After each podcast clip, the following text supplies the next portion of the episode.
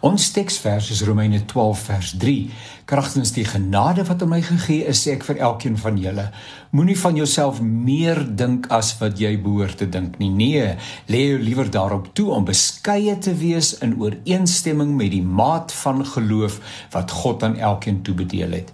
Ons gesels hierdie week oor versteekte boodskappe, opgesluit in goed wat mense sê en doen. En ons het die afgelope 2 dae gesels oor jou eie unieke menswees en die noodsaak om uit te vind wie jy is en wat jy hier doen en jou eie skaduwee te werp. So hoor ek dat iemand sê you are the victim of your own success. Weer 'n keer verskoning vir die Engels. You are the victim of your own success. Kom ons bedink dit vir 'n oombliekie saam met mekaar, veral in die lig van die woord van die Here. Twee begrippe kom ter sprake. Nee, wat miskien is dit 3. Jy En volgens hierdie uitspraak is jy 'n slagoffer van jou sukses. Nou, dit gaan met ander woorde oor jou reis op aarde en soos gister en eergister, wil ek net weer herhaal, jy is uniek, spesiaal, deel van God se antwoord op die uitdagings en die problematiek van die konteks waarbinne ons onsself en jy jouself bevind. Sukses in sigself is uiteraard nie verkeerd nie. Wie wil nie suksesvol wees nie? Sou die Here nie wou hê dat ons suksesvol moet wees nie. Maar die vraag is hoe ons sukses definieer. As sukses beteken dat ek ander minderwaardig laat voel, dan is dit iets anders as sukses.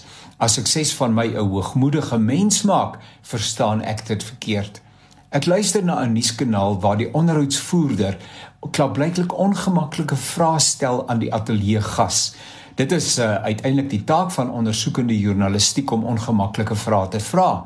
As jy nie daarmee kan saamleef nie, moes jy nie toegestem het tot die onderhoud nie. Maar wanneer die temperatuur te warm word, dan roep hierdie man die gas uit: "Weet jy wie ek is en met wie jy te doen het?" Ai, hoe hartseer dat 'n mens jou uniekheid, waarde, betekenis ensovoorts moet gaan soek in wie ek is of wie ek dink ek is, my sukses.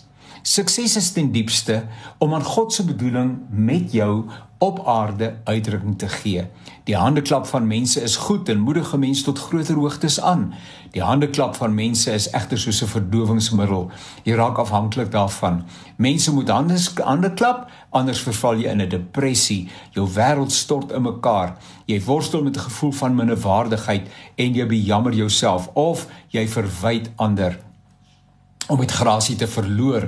En selfs die stelling is problematies om dit verloor so 'n negatiewe konnotasie het. Nietemin om met grasie dan nou te verloor as jy wil nie te wen nie is 'n gawe van bo en is 'n teken van geestelike en emosionele volwassenheid.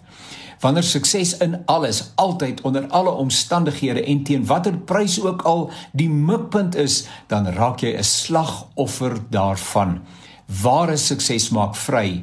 Ware sukses dring tot nederige dankbaarheid. Gewaande sukses smik op en beroof jou van jou eie unieke self. Om saam te vat, geen verskoning vir ly wegsteek nie. Luiheid is nie 'n vrug van die Heilige Gees nie. Vrees om te probeer omdat jy net dalk nie suksesvol gaan wees nie, is niks anders as ongeloof nie. Doen alles wat jy kan doen. Doen dit absoluut voluit en laat die res aan die Here oor. Vier jou suksesse maar op so 'n wyse dat dit ander nie agterlaat nie, maar saamneem op die lewensreis. Nee, jou sukses maak nie van jou 'n gevangene nie. Dit maak nie van jou 'n victim nie. Nee, dit maak van jou 'n beter toegeruste mens as jy dit met nederigheid omarm en vier.